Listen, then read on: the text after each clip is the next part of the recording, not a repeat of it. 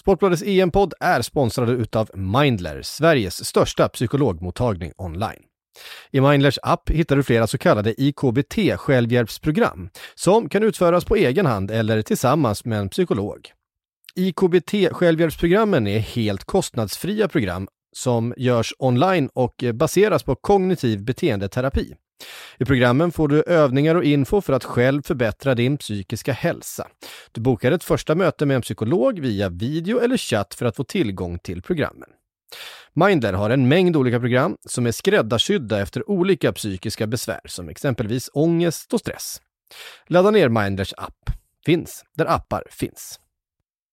EM-podden är sponsrade av Carlsberg Alcohol Free Carlsberg är ju för många välkända inom fotbollen, men eh, det som alla kanske inte vet är att budskapet som de släpper till sommaren i samband med mästerskapet är vid namn En del av laget.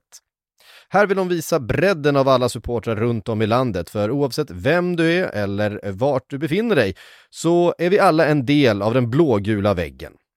Och för att visa vilka ni är så kan ni gå in på endelavlaget.se det är alltså en del av laget i ett ord.se och dela er bild för tillsammans så kan vi då heja fram våra landslag i sommar. Tack till Carlsberg Alcohol Free.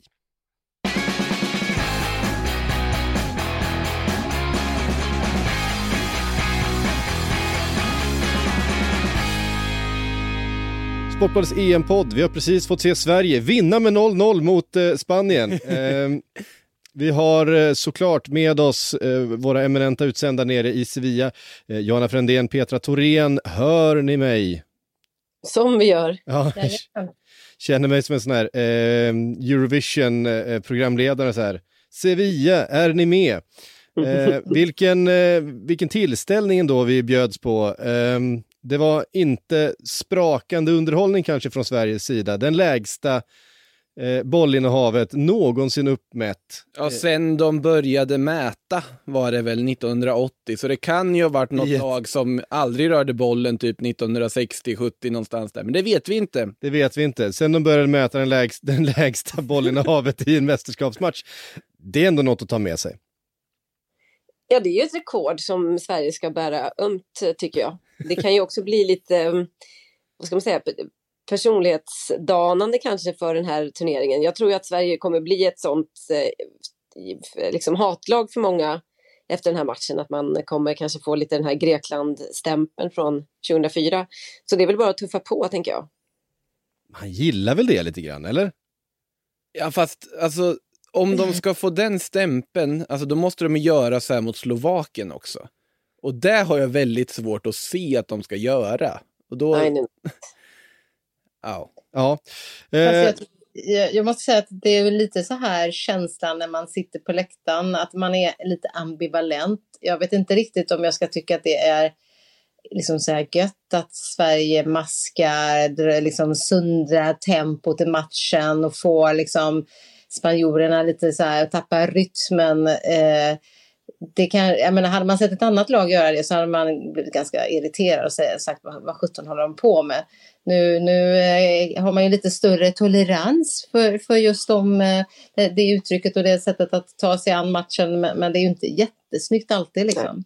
Det är inte så snyggt och det är framför allt eh, som jag tyckte att Erik Niva påpekade förtjänstfullt sin krönika det är kanske lite under Sveriges värdighet. Hade det här varit ett, ett eh, Nord... Eller ja, inte vet jag, men vi, vi säger något, ett, ett riktigt sånt, en riktig blåbärsnation, så hade det ju blivit väldigt hyllat såklart. Men Sverige ju, har ju lite för gott anseende. Kanske spelade faktiskt kvartsfinal i ett VM för tre år sedan. Ja, ja precis. Och det gjorde inte Spanien till exempel. Nej. Så att... Eh, Nej, jag, jag, håller med Peter. Det var lite ambivalent, ambivalent var det, men andra halvlek var ju mest en, en eh, det var ju liksom en, mest en, en kamp, eller för klockan eller vad säger man? Ja. ja. Det var ju bara en, en rak sträcka mot 0-0 eh, och så. Då var man ju väldigt nöjd när det var, när det var över.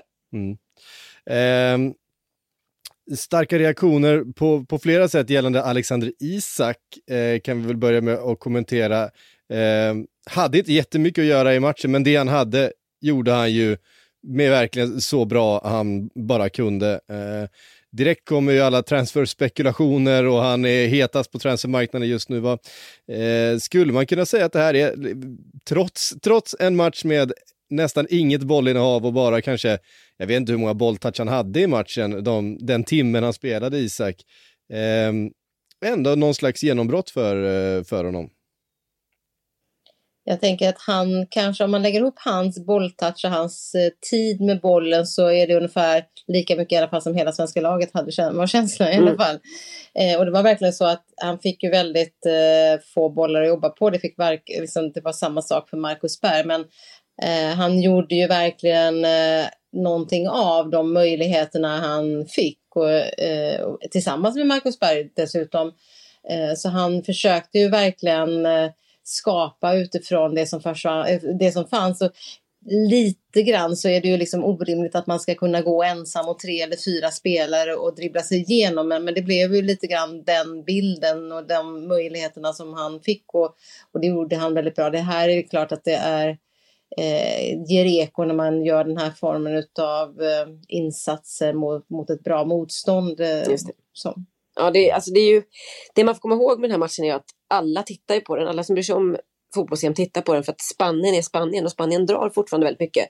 Och många tror jag är väldigt eh, nyfikna på att se vad, vad Spanien, som inte alls har varit någon förhandsfavorit, vad, vad de går för. Så att det var många som tittade på den här matchen och det bidrar ju både till kanske att temperaturen stiger lite kring eh, Alexander Isak och kanske också att väldigt många har fått en ganska oförtjänt um, sugig bild av svenska landslagets fotboll i alla fall. vi som ser dem ofta vet att det brukar inte alltid se ut så här. Men, men det är klart, någon som bara tittar in när det, när det är EM kanske undrar vad i hela friden är det som pågår. men vi som ser dem ganska ofta visste ju också att eh, sannolikheten för att det skulle se ut så här eh, ändå var där. Ja, eh, fast det som förvånade mig stort ändå i första halvlek det är att de möjligheter som gavs att ändå när, när de blev som, så otroligt låga som de blev, det så kanske lite för låga mot vad de kanske ändå hade tänkt, men visst de blir tillbakatryckta, men de gångerna som de vann boll, då slarvar de ju bort det. Kristoffer Olsson bara rensade något rakt upp. Marcus Danielsson fick också någon felpass. Eh, och det var flera passningar som, som, som bara tyckte Albin slog bort många ja, bollar ja, på ett sätt som man inte brukar. Också. Nej, och mm. det, det förvånar mig mer för att, eh, att de inte klarade av att förvalta de få tillfällen att hålla i boll, flytta upp laget, andas lite utan det var liksom hafsigt iväg och det var lite mer, tycker jag, eh, svårt att eh, förstå att de behövde hamna i det läget. Alltså det känns som att, alltså mitt i all ambivalens på något sätt att det är inte liksom det här Spanien, är frågan, hade man behövt visa en sådan respekt? Nu såklart det är jättebra med att ta en pinne på det här sättet och det är en, på så sätt en väldigt lyckad premiär för Sverige, misstolka mig rätt liksom. Men det här Spanien, det är ett trubbigt Spanien, det är ett uddlöst Spanien, det är ett Spanien med Alvaro Morata på topp. Det är ett Spanien som är liksom fortfarande i någon uppbyggnadsfas, ett ifrågasatt Spanien, ett näst, lite ledarlöst Spanien skulle jag också vilja säga. Med all respekt till Jordi Alba som då bar kaptensbindeln i och, var, och, var, och var väldigt bra i den här matchen. Ja, strålande, för han hade ju, han hade ju ganska mycket ytor att jobba på. Det samarbetet med Dani Olmo däremot. Mikael Lustig, det var väl en match i matchen ja. som Spanien Lustig, vann. Lustig hade det lite jobbigt, eh, framförallt under första halvlek. Skulle jag säga. Ja, sen, men jag, tycker, jag håller verkligen med dig, Makoto. Alltså, jag tycker att det, det, det var verkligen för, lite för mycket respekt eh, för ett Spanien som inte är så. Och om man liksom rådde sig med att vända lite på och ta på sig de spanska glasögonen bara 5-10 minuter så kunde man också konstatera att det här var ett Spanien som hade ett enormt bollinnehav och som har ganska många olika varianter utanför straffområdet. Men det var inte så många gånger som man satt med hjärtat i halsgropen. Det var faktiskt inte det.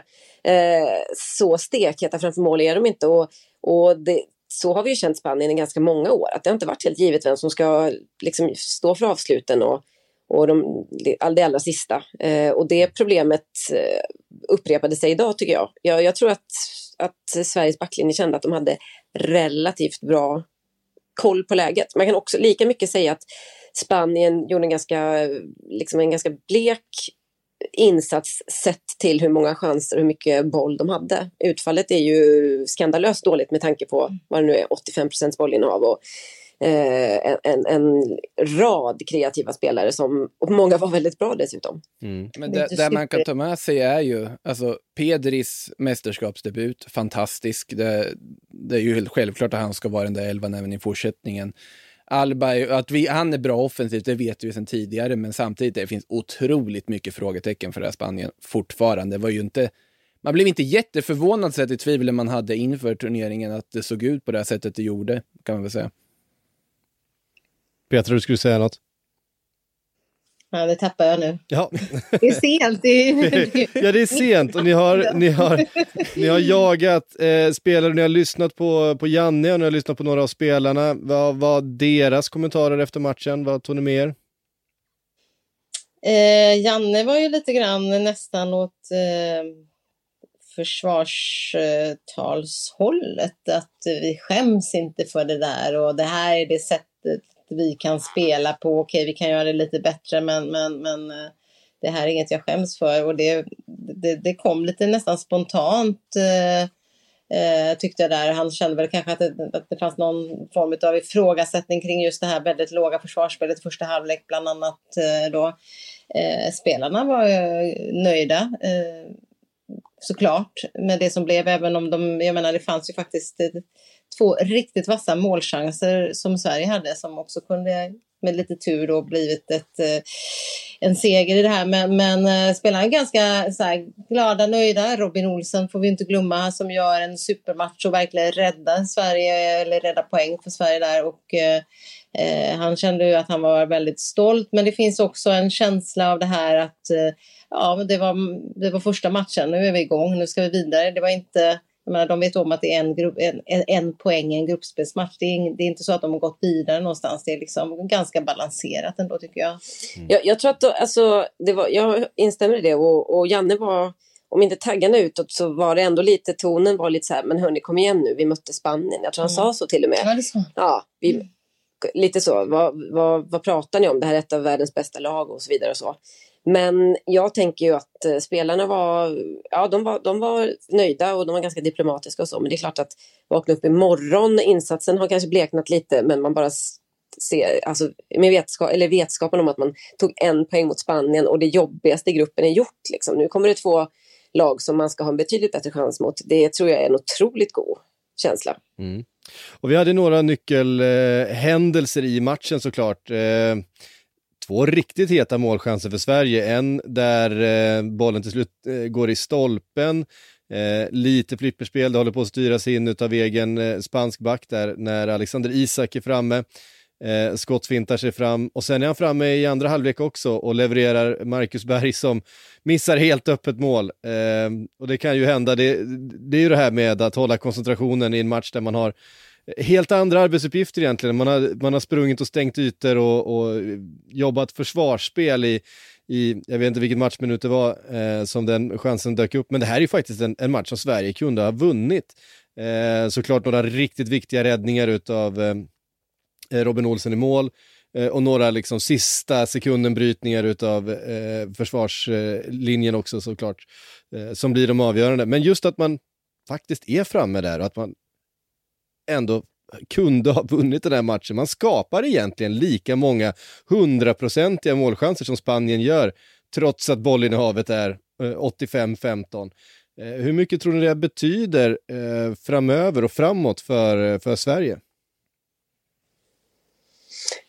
Kanske inte så mycket med tanke på att man bränner de ändå. Det är klart att Sverige vunnit den här matchen med 2-0. Vi bara leker med den tanken. Det är ju alltså, osannolikt sett till matchbilden, men inte som du säger sett till målchanserna. Nu, det ena hade ju inte lett till det andra nödvändigtvis, men, men säg att det hade blivit så då, då, då tror jag att man hade eh, lämnat liksom, eh, Sevilla i en känsla av triumf.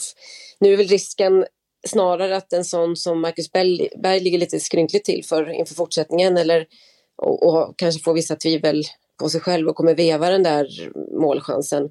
Eh, Isak har ju absolut ingenting att, att, att veva eller skämmas för. Han gjorde ju allt vad han, vad han kunde. Men eh, jag, jag, tror att eh, alltså, för, för, att bli, för att vara riktigt nöjd med att prestera några få chanser på väldigt lite bollinnehav så måste man nog sätta ett. Det är, det är min känsla i alla fall. Jag tror inte de kommer gå vara så nöjda med, med den offensiva insatsen ändå. Men det är också det Isak gör och de chanser de skapar, det är det som också lämnar en känsla. Tänk om man hade vågat trycka på lite mer. Vi får aldrig veta, det kanske hade blivit 0-4 i baken istället på att Spanien plötsligt hittar de där ytorna de inte gjorde nu. Men tänk om man hade låtit Isak bara köra vidare från det, vad som hade kunnat bli. Men vi får ju aldrig veta och då är det bara att konstatera att en poäng är väldigt bra. Och vi vet ju också det är intressant, ja, förlåt, ja. det var intressant tycker jag ju, att tänka på eh, Nations League och det, hur det såg ut under förra hösten, eller ja, i höstas helt enkelt. När eh, Sverige mötte den här typen av motstånd och blev rejält avklädda eh, och för all del slog in ett par bollar också, men det tog eh, noll eller en poäng kanske i, i den turneringen. Och, och, och det kan ju hända att eh, Jan Andersson fick lite väl, um, vad ska man säga, besk eftersmak av det och tänkte mm. nej, så här kan vi inte bete oss igen och uh, att det här blir någon form av motreaktion. För att sett till hur det såg ut senast Sverige mötte storlag, om man ska säga på det sättet, så var det ju en rejäl scenförändring uh, till något mycket mycket, mycket mer defensivt. Ja, eh, och nu vet vi hur Marcus Berg startade den här matchen. Det var lite kontroversiellt eh, innan. Det, var, det, var, det fanns andra namn som eh, eh, vissa hade hoppats på. Eh, var väldigt tydligt att Marcus Berg skulle starta den här matchen just med tanke på eh, den matchbilden som alla förväntade sig. Eh, en spelare som på ett annat sätt kunde kanske låsa fast bollen uppe på offensiv planhalva. Eh, jobba väldigt hårt i defensiven, väldigt rutinerad i, i det spelet. Nu möter vi ett helt annat motstånd. Det finns kanske, eh, det finns dessutom då en Dejan Kulusevski, eventuellt, eh, att eh, slänga in i fortsättningen på den här turneringen. vad, vad är status där? Eh, status är att Eh, att han är på väg tillbaka in i truppen och, och det var väl det beskedet som, som Janne gav på presskonferensen att, eh, att de är hoppfulla då inför eh, kommande match men, men samtidigt så, så har han ju varit sjuk och eh, vilken, han ska ha en fysisk status för att ta sig in också. Så, så där, det kan ju vara så att han behöver liksom en veckas träning innan, innan det är aktuellt ändå. Mm. Um, vi... Jag vet inte, jag, jag tycker ja. ändå som Alltså jag, jag, tycker att det Marcus Berg gör i matchen, alltså man, man blir fast då vid det, den här målchansen som det är klart att han sätter många gånger liksom en, en sån klar målchans mm. och han borde sätta den. Men det är han som skarvar fram till Alexander Isaks chans i, i första. Mm. Det är liksom, jag tycker inte att det här var riktigt det här att du kan spela, säga att du ska vara en bra target eller uppspelspunkt för liksom, Sverige hittade ju inte upp med bollarna Nej. framförallt första. Eh, så, så jag, men jag, jag vet inte, jag gillar ju den arbetsinsats och, och liksom den lojalitet som, som Marcus Berg har och den tuffhet och hårdhet som han har. Och tycker också att många, ofta kombineras han väldigt bra med både Alexander Isak och Quaison. Mm. Så att eh, mm. för mig är det liksom, jag, för mig är han given i anfallet. Oavsett motstånd i stort sett. Jag, jag, håller helt med dig om att alltså, det han gjorde idag också på det lilla som han fick att jobba med, det fanns ju ingenting att alltså, påpeka om. Alltså liksom kombinationsspelet med de andra offensiva krafterna, de ytterst få gånger Sverige hade möjlighet att kombinera på offensiv planhalva då var ju Berg inblandad med någon vrickning eller skarv och så vidare. Han är ju smart, han är ju en lagspelare och i en sån här match tyckte vi helt rätt. Alltså, om man tittar på de som kom in, det var inte som att Quaison och uh, Claesson liksom revolutionerade anfallsspelet under de sista minuterna direkt. Så att, uh, Nej. Nej, det gjorde de verkligen inte. Jag kan kanske tycka att jag, man hade kanske haft lite högre defensiva förhoppningar på Berg. Jag tyckte att han han var inte så, vann inte så mycket dueller som han hade kunnat göra kanske i defensiven och det, det leder ju hela, hela laget av, så att säga. Men eh, det, det, var, det, är ju ingen katastrofal insats på, på något sätt. Och det är inte omöjligt att Janne tänker sig att han ska starta med Isak eh, i nästa match eh, också. Snarare tror jag att det är ganska sannolikt, för precis som du säger Makoto, ingen av de andra stärkte sina aktier speciellt. Och eh, jag menar, Dejan vet vi inte när han kommer tillbaks, men det låter ju som att det kanske inte blir till eh, matchen som är på fredag. Va? Mm. Mot, ja. Och då är kanske det här det bästa alternativet, eh, hur man än mm. vrider och vänder på det. Ja, det är svårt att se att eh, någon av de andra skulle gå in före Marcusberg, utan det, det är väl kanske om Dejan eh, Kulusevski skulle komma tillbaka och, och man anser att eh, man har liksom den friheten att stoppa in ännu lite mer eh, kreativitet. Um, För jag tror att mittfältet är, ruckar man nog inte på Alltså, i det här läget. Kristoffer Olsen är väl möjligtvis den som eh, sänkte sina aktier eh, lite grann. Han hade ganska, ganska kämpigt centralt där. Ehm, Men han har ju vissa unika egenskaper som särskilt i en match, nu, nu bara förutsätter jag att Sverige inte kommer ha samma matchplan mot Slovakien och Polen. Nej. Men att med den alltså förmågan från hem mot mittfältet. Slovakien i 90 minuter. Tror inte att det är... Jan, Janne vill liksom riktigt skjuta ut sig från folkhemmet. Ja, de, de, de har ju Marek Hamsik ändå, vi måste visa respekt för honom. Han är ju vassare än alla spanska anfallare. Så att, eh, ja, nej, men det här blir matchplanen. Såg ni Robert Max match senast här mot Polen? Nej men, alltså Olsson har ju den här alltså bolltransporteringsförmågan som ingen annan på det där inne mittfältet har. Den tror jag ändå är otroligt viktig om du plötsligt ska också försöka någorlunda föra en fotbollstillställning. Det är ingen annan på det här mittfältet som riktigt har den egenskapen.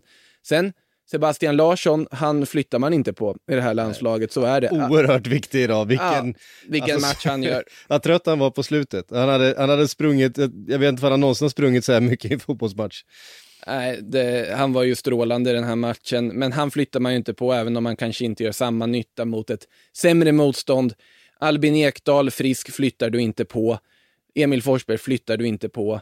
Och Kristoffer Olsson tycker väl att man inte ska flytta på heller. Och då blir det ju samma mittfältsfyra, även om den på något sätt känns som att det saknar lite ytterkraft. Jag, jag kan ju, nu näm- sa jag ju kraft lite omedvetet, men jag kan ju tänka att en, till exempel Emil Kraft som högerback med lite mer offensiva egenskaper, det hade kanske inte varit så dumt att försöka slänga in. Nu kommer de inte byta ut Lustig, men där kan jag sakna liksom ordentligt kantspel, att ha alternativ offensivt på kanterna. Det är väl någonting jag kan sakna. Och som sagt, vi förväntar oss ju en helt annan typ av match där, där Sverige kommer ha lite boll eh, emot Slovakien på fredag. Eh, går inte att dra så jättestora spelmässiga slutsatser av en, en match med 15 procents bollinnehav eh, som man ändå har krigat sig till en 0-0. Eh, hörni, Johanna och Petra, ni ska resa vidare. Vi får anledning till att återvända till er, vart ni än befinner er. Eh, Makoto, vi ska gå vidare. Vi ska prata lite grann om de övriga matcherna som spelades också eh, tidigare idag här och eh, under gårdagen. Men eh, innan vi går dit så ska vi få några ord ifrån vår sponsor. Ja, Sportbladets EM-podd är eh, fortfarande sponsrad utav Unibet.se och med oss i vanlig ordning har vi Steven Lee Holmdahl från Sportbladets spelsajt för att eh, dra lite sköna odds från detta EM. Steven Lee, eh, välkommen. Vad har du hittat? Oj, ja du, jag vet inte egentligen hur mycket som helst, men vi har ringat ner det till tre spel nu då. Det är skönt att du begränsar dig. Ja, det hade kunnat bli 30, men vi tog bort lite grann där så kör vi på. Eh, jag tror jag har eh, hittat tre målgörare som jag tror jäkligt mycket på nu. Ehm, så vi tar dem i tur och ordning här. Först så har vi i Ryssland då, som var egentligen helt utspelat mot eh, Belgien, tror jag har lite bättre chans att skapa målchanser nu och då är Artem Chuba deras liksom, main man att gå till när det ska gälla mål och sånt. Så att, jag tror att han har bra chans att få några fina lägen och spelas till 2.23. Det är en måste-match för en i Ryssland så de kommer nog ösa på där. Eh, sen har vi Turkiet, Burak Yilmaz, det var lite samma sak där. Eh, Turkiet, de fick ju knappt låna bollen mot Italien och Yilmaz fick springa omkring och i tomma intet. Men nu är det också så att Turkiet har en mycket bättre uppgift och kommer antagligen att börja skapa lite mer målchanser. 3,20 på att Yilmaz gör mål. Och till slut så kör vi Harry Kane som, jag vet inte vad han hade gjort för någonting. Han såg helt yrvaken ut mot Kroatien och missade öppet mål och sådär. Men han gör sällan två dåliga matcher i rad och nu eh, möter England ett lite sämre motstånd. Så Kane spelas till 1,91 som målgörare. Tre pålitliga målskyttar får man säga. Ja, det får man säga. I alla fall när det gäller lite lämpligare motstånd och sådär. Så att, äh, men det där ser bra ut tror jag. Jag blir förvånad om inte minst två av dem går in i alla fall. Perfekt. Och de här spelen hittar ni såklart på unibet.se och kom ihåg att du måste vara 18 år för att spela. Och är det så att eh, du eller någon i din närhet spelar lite för mycket så gå in på spelpaus.se för att läsa om hur du pausar ditt spelande och på stödlinjen.se för att lära dig mer om spelberoende. Men Makoto, du har faktiskt spelat fler matcher eh, den här dagen eh, och sen vi pratade senast. Vi får väl börja med den, eh, den andra matchen helt enkelt i Sveriges grupp, i eh, Grupp E. Eh, den mellan Slovakien och Polen. Polen som eh, de flesta tror jag, Eh, kanske utanför Sverige, vi eh, tippar väl lite hemmablint eh, ändå, Sverige som tvåa i den här gruppen, men jag tror att de flesta utanför eh, ändå haft Polen som, som tvåa bakom Spanien i den här gruppen. De här resultaten som var idag talar ju inte för Polen direkt. Eh, stryk direkt då mot Slovakien, eh, Krychowiak utvisad. Eh, ett uddlöst Polen, men ett Slovakien som imponerar. Ja, det tycker jag. Nu måste man nästan gå tillbaka i minneskontoret efter nio, över 900 Spanienpassningar så känns det ju som en evighet sedan den här matchen spelades. Men det är ju faktiskt idag den spelades.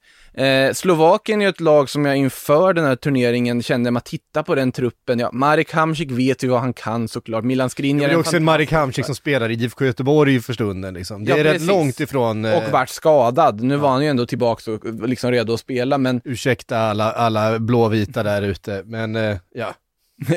ja, det är ju trots allt så, men på pappret bara, det här känns inte särskilt spännande, det här borde vara stryklaget i gruppen.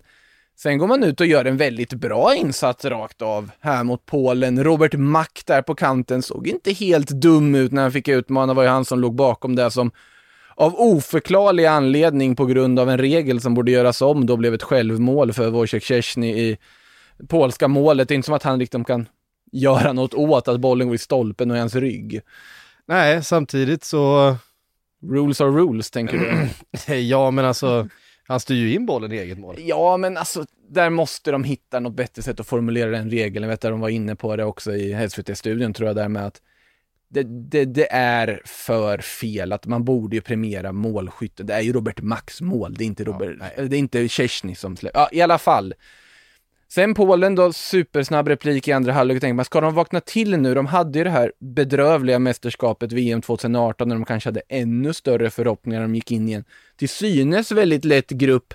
Åkte dock ur den med dunder och brak, hade ju inte ens någonting att spela för i sista matchen mot Japan i det här mästerskapet. Men får nu en mardrömsstart igen. De, det här röda kortet på Krychowiak som du nämnde. Såklart det går att diskutera huruvida de två förseelserna liksom isolerade ska rendera i två gula kort oavsett så gjorde det det. Det var ju svårt för dem att resa sig efter det och sen Skriniar av alla människor dyker upp och sätter 2-1 för Slovakien. Det öppnar ju upp den här gruppen enormt. Sen var det många som pratade om att det här är ett drömresultat för Sverige. Jag tycker att krysset hade varit ett större drömresultat för att det är inte säkert att Sverige slår Slovakien. Inte om Slovakien spelar på det sättet de gjorde här. Nu är det ju frågan, var det Slovakien som var bra eller Polen som var sämre? Man kan väl säga så här, vi måste nog slå antingen Polen eller Slovakien. Ja, det är ju helt uppenbart att man måste vinna en match. Ja, tre kryss kan man ju gå vidare på. Det har vi ju sett lag göra i det här systemet förut. Eh, men man kan väl, grunden kan man säga att ja, tre poäng i någon av matcherna krävs och då är det väl kanske Slovakien man har störst chans mot. Tyvärr är det ju Polen i sista matchen, om man ska överanalysera det här lite, att Polen hinner vakna till till dess att de skulle göra en svag insats även mot Spanien. Ja. Ehm, eh, mycket handlar såklart om Lewandowski eh, i Polen. Eh, Fast inte i den här matchen, för det var inte mycket han gjorde. Nej, det, och det var ju precis det. Eh, på samma sätt kan man ju inte säga om, eh, om Skriniar i, i Slovakien, men det är klart att han är lagets största spelare. Klev å andra sidan fram och gör det avgörande målet. Ja, precis. Så att det var ju, kändes som, som rätt person på rätt plats där, att det är han som går upp och gör det. Han är ju den klart lysande stjärnan med, ja, historiskt sett Marek Hamsik undantaget då, men här och nu i alla fall som spelar på en världsnivå, en av världens bästa på sin position. Häftigt att han får gå fram och göra det här för Slovakien i en sån match. Lewandowski, där finns det ju väldigt mycket tendenser från eh, Zlatan under Erik Hamrén. Ja. En spelare som ja, men Vi har ju pratat så här, ska Lewandowski ha liksom Ballon d'Or den här, den här säsongen, ja. då kan han inte kliva ut uh, och spela på det här sättet. Nej, men sen är ju problemet att han har ju inte understödet runt omkring sig. Det är tydligt att Arkadiusz Milik saknas som är skadad, Zelinski som spelar i någon sorts anfallsroll, det var väl ett 4-3-3 på pappret, men det var väl snarare i själva verket kanske liknande en 3-5-2 tyckte väl jag snarare med Rybus väldigt offensivt, Jodsviak har ju inte mycket defensiva egenskaper direkt. Men det man noterade var att det var ju svajigt i försvaret, det kändes inte rätt, de kändes inte överhuvudtaget hemma väldigt viktigt för dem att studsa tillbaka och göra en bra insats mot Spanien här nu i nästa match om inte annat, annars kan det bli ganska jobbigt för dem. Spanien som lär vara lite revanschsuget. De med ja. Efter, efter kvällens match. Um, Slovakien, 4-4-2 mot 4-4-2 på fredag. ja, alltså det ska bli intressant att se vilken matchplan Sverige tar sig an den med ja. såklart. Det är ju utan tvekan så. De kommer det kommer inte... bli en annan inställning såklart. Det kommer ju inte vara ett Sverige som ligger med med tio spelare liksom eh, på rätt sida bollen i, i 96 minuter. Det hade förvånat mig något väldigt oerhört mycket, om vi säger så. Man kan ha åsikter om de skulle gjort det i den här matchen, om de gör mot Slovakien, och då kommer de flesta undra vad, vad är det som sker. Det, det kommer vi inte få se. Nej. Eh, mer som spelades tidigare idag, vi hade Eh, Skottland-Tjeckien, vi fick se ett, ett drömmål. Två, ja inte två drömmål, men två mål av eh, två, Patrik Schick. Pa, två mål av Patrik Schick, ganska trevligt namn tycker jag. Skickligt, den har använts för mycket liksom. ja, det, ska väl, det ska ju dessutom mer uttalas nästan som psyk nämligen, så han heter ju nästan Patrik Psyk. Eh, är det så? Ja, jo. Eh, så jag har fått, fått förklarat för mig i alla fall. Eh, det, ska, det, här ska inte handla om mig, förlåt. Grattis! Förlåt. Eh, det, är inte jag som har gjort, det är inte jag som har gjort drömmålet. När han klippte till från mittcirkeln och, och eh, Skottland hade inte mycket att sätta emot i den här matchen. Tjeckien var helt klart det bättre laget. Ja, nu, nu insåg jag, jag gick in här i studion utan att kolla upp hur lång Marshall i det skotska målet är, vet du det? Nej, inte tillräckligt för just det tillfället i alla fall. inte för att vara så felplacerad, han typ spelade forward när Chic då, eller Psyk, om man får uttala det rätt då, får det här läget. Det var väl en expected goals-siffra på 0,01 på att ta det avslutet. Det är ju ett fantastiskt avslut. Det är fantastiskt fint uppfattat av en spelare som eh, överraskade mig i alla fall. Jag, när man tittat på Tjeckien har man ju tänkt att, ja visst har han egenskaper, Chic, men mm det är ju inte Milan Baros, det är inte Nej. Jan Koller, det är inte det gamla Tjeckien, men det kanske är årets Milan Baros på något sätt. Han får ju en superstart på det här mästerskapet och Tjeckien också dessutom med Verkligen. den här segern. Också ett Skottland som, ja, de saknar ju Kieran Tierney. Det fanns vissa tendenser tyckte jag, de var ganska positiva i Skottland. Men det är ju en jättetung förlust att åka på mm. i en premiär på det sättet mot det här lag som är ganska tydligt den det lag som de ska kunna slå. För det är ju England nästa, sen Kroatien. Inga lätta matcher. Man Nej, det här, det här var ju de, de tre poängen. Eh, det var ju lite så här kampen om tredjeplatsen i den här gruppen eh, just här och nu. Sen är det klart att Skottland kommer kliva ut och, och göra allt de kan mot England. Det kommer vara en, en helt annan typ av match. Det, det blir ju en derbykänsla där. Men eh, utsikterna härifrån för Skottland är, är, ser ganska små ut. Ja, med den förlusten i åtanke så blir det nog svårt för dem.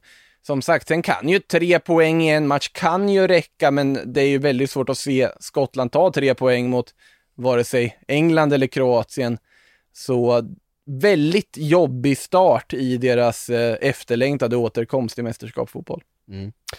Eh, vi kan väl eh, säga någonting också om eh, matcherna som spelades i söndag kväll. Eh, sedan vi, vi spelade in senast här då eh, direkt efter England-Kroatien. Efter det så spelade eh, Österrike-Nordmakedonien Pandev. Det är klart det, det, det, är klart, det är klart Pandev mål. som gör det.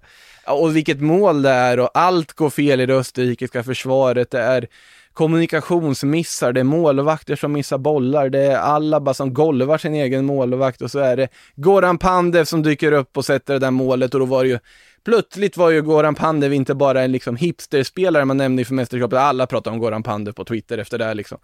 Eh, sen är det ju ändå Österrike som får med sig en seger från den här matchen. Det är ju då Marko Arnautovic som dyker upp i slutändan bland annat. Eh, alltså scenerna när han har gjort målet också, när alltså det, det, han säger där också, det är ju inte rumsrent. Man förstår, för David Alaba, vanligtvis ganska lugn spelare, reagerar ja. på det sättet han gör i det här firandet. För det Arnautovic sa i riktning mot Alioski, eh, det, nej, det är inte snyggt. En jävla dåre alltså, å andra sidan. egentligen. Ja. Eh, så att det är ju en smolk i bägaren, men samtidigt fruktansvärt vackert mål fotbollsmässigt mycket man kan lyfta från den här matchen måste jag säga att grupp C, de två matcherna, är ju klart mest underhållande gruppen hittills. Ja, verkligen. Och eh, nej, men fram till eh, Spanien-Sverige idag då, så var väl, så var väl eh, Holland-Ukraina den, den eh, mest sprakande matchen så här långt i, eh, i EM. In, innan vi går till det måste jag bara säga Marcel Sabitzer. Herrejösses ja. vad bra han var. Eh, den den, den, den assisten fram eh, till, vem var det nu som satte målet? Eh, Ja, det var Den där ju- snäva vinkellobben in i mål, det var ju ett väldigt fint avslut också men Ja, den är otroligt vackert. stenhård den bollen på ett snöre ner eh, mot bortre Det stolpen. var ju Liner där på kanten som flög in och Mm. Satte det. den, eh, eller var det Leimer? Man blandar ju ihop dem ibland, Konrad Leimer och Stefan Liner och det var det tvärtom. Ja, oavsett, Bundesliga L, fint mål. Det var, det, var, det, var, det var Liner som gjorde målet och Limer som spelade fram Arnautovic. Precis, Konrad Leimer mittfältare, Stefan Liner ytterback om jag inte är helt ute och cyklar här. Precis. Eh, men eh, vidare då till eh, mest underhållande matchen som sagt. Ja, det får man säga. Eh, och ehm, Ukraina såg ju rätt utspelat ut under, under perioder och när, när eh, Holland gör 2-0 så känner man ju att det här blir också så väldigt typiskt Holland. Det här lite arroganta, fortsätta, alltså du vet man kommer ihåg Ajax mot Tottenham liksom, man har matchen, men man ska fortsätta framåt, man ska, man ska anfalla, man ska göra mer mål och det, är det straffar sig ibland. Ja, och mycket överraskningar i den elvan tyckte jag ändå. Vissa positivare än andra. Att Wout Weghorst får chansen från start istället för Luke de Jong, det var ju bara uppfriskande, måste jag säga. Eh, tycker jag han gör en bra match dessutom, den gode Weghorst. Eh, lite mer överraskande av Vindal, supertalangen som många har i sina EM-11-lag, eh, då blev bänkat till förmån för eh, van Anholt. Ja, det var ju väl, eh, verkligen förvånande tycker jag. Eh, Van Anholt som ju eh, inte, eh, jag vet inte, det är ingen, Han var där! Han fanns! han är inte bra men han, Han fanns. fanns där på kanten. Eh, och det är klart att offensivt som, som wingback i ett sånt här system så, så har han ju tempo, han har ju offensiva kvaliteter Van Anholt. Han gör ju faktiskt en hel del poäng i Premier League för Crystal Palace. Det ska man komma ihåg, eller en, hel del är att ta i. För Men han gör, han Palace gör ett han och annat poäng. Eh, så är det. Men det var ju den andra kanten det hände på. Denzel Dumfries, vilken match han gör. Herrejösses. Alltså när han bränner, han bränner egentligen två lägen ju i första, Ja. eh, först, Men eh, han tar sig till dem. han tar sig verkligen till dem. Ja. Eh, Gini Wijnaldum som vi har varit inne på, Också är helt- otroligt viktig för det här laget. Eh, eh, fantastisk i den matchen alltså. Eh, Mm. eh, Frenkie de Jong och, och Gini Wijnaldum som mittfältsduo där är ju eh, otroligt bra och ser väldigt samspelt ut också. De, eh, de kliver liksom inte på varandra även om de har ganska egentligen liknande kvaliteter. Ehm, men eh, Wijnaldum är ju fruktansvärt viktig för det här eh, holländska laget. Där var, du, där var du tidig inför. Där får jag ge dig cred för med just Wijnaldum. Det kanske inte är den svåraste analysen att göra, men likväl. Ja, men han har det, ju varit lagkapten och varit liksom central Mm. figur för det här landslaget under de senaste åren faktiskt. Eh, Wijnaldum och gör väldigt mycket mål och poäng för, i, i Mm. just landslaget. och han skapar ju hur mycket som helst. Det här avslutet, ja det är mot ett öppet mål, men det är inte helt lätt att göra det och sätta den, Nej. få den att inte bara flyga upp på en läktare. Och där kändes det ju som att Nederländerna var på väg mot en säker, kassaskåpssäker seger. Och så dyker Jarmolenko upp och dammat av från ingenstans. Jäklar vilken smäll alltså. Men han gör sådär ibland. Alltså han bara gör sådär ibland. Det är, det är som att han, eh, jag såg att jag lyssnade på någon av de brittiska poddarna, eh, alltså han, han är motsatsen till Timo Werner. Eh, han, gör- han bidrar inte till någonting i spelet, men, men då och då vet han vart målet står. Eh, och han, det är som att han kliver fram ett par gånger eh, om året och bara dammar till med den där vänstern eh, upp i krysset. Otroligt vackert mål. Det är ju, ja, Patrik Kiks mål. Det, Ja, det, det, det, har ju något, stal men alltså, ja. det där skottet, hur det bara borrar sig in i krysset också, fantastiskt. Och sen bara reaktionen på det här när Jaremchuk plötsligt står rätt och det är 2-2 på tavlan. Mm. Och så är det Denzel Dumfries som ändå fixar den där poängen, eller trean då till Holland till slut. Med tanke på hur bra han var, eh, Dumfries också, så var det ju skönt för honom att han fick sätta den han hade bränt två så öppna lägen. Framförallt nicken där, eh, framspelad utav, jag tror, ehm, eh, eh, de Jong va, som eh, lyfte fram den till honom. Han såg helt sopren och bara knoppar den utanför stolpen. Jag vill ändå, även om han brände mycket, bara på den liksom offensiva effekten han hade och dessutom matchhjälterollen han får. Nu när vi närmar oss en färdigspelad första omgång så är ju ändå Denzel Dumfries solklart in i någon sorts omgångens elva. Kanske till och med en av omgångens absolut mest framstående spelare skulle jag vilja säga.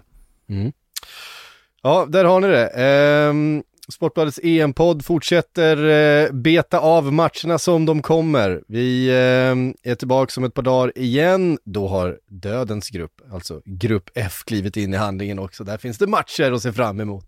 Jogi Lööfs 3-5-2. Bara en sån sak. Ja, men alltså Tys Tyskland, Frankrike i München. Eh, Ja, den, den blir häftig alltså. Den blir enormt häftig. Den kan också bli ett enormt antiklimax. Den lär bli ett enormt antiklimax, men här och nu så står Man har så höga förväntningar på, sig, på den, men... En eh, Mbappé hattrick, säger jag, försöker sticka ut lite. Ja, Får varför... se hur rätt ut jag är på den. Varför inte? Och sen så laddar vi upp inför eh, Sveriges match mot Slovakien såklart eh, på fredag. Men eh, från oss här ikväll eh, så tar vi med oss en 0-0-seger till Sverige då. Ehm, Precis så var det ju. och, eh, 14,9 procent härliga bollinnehav. Otroligt är det. Eh, och säger på återhörande från eh, Sportbladets EM-podd.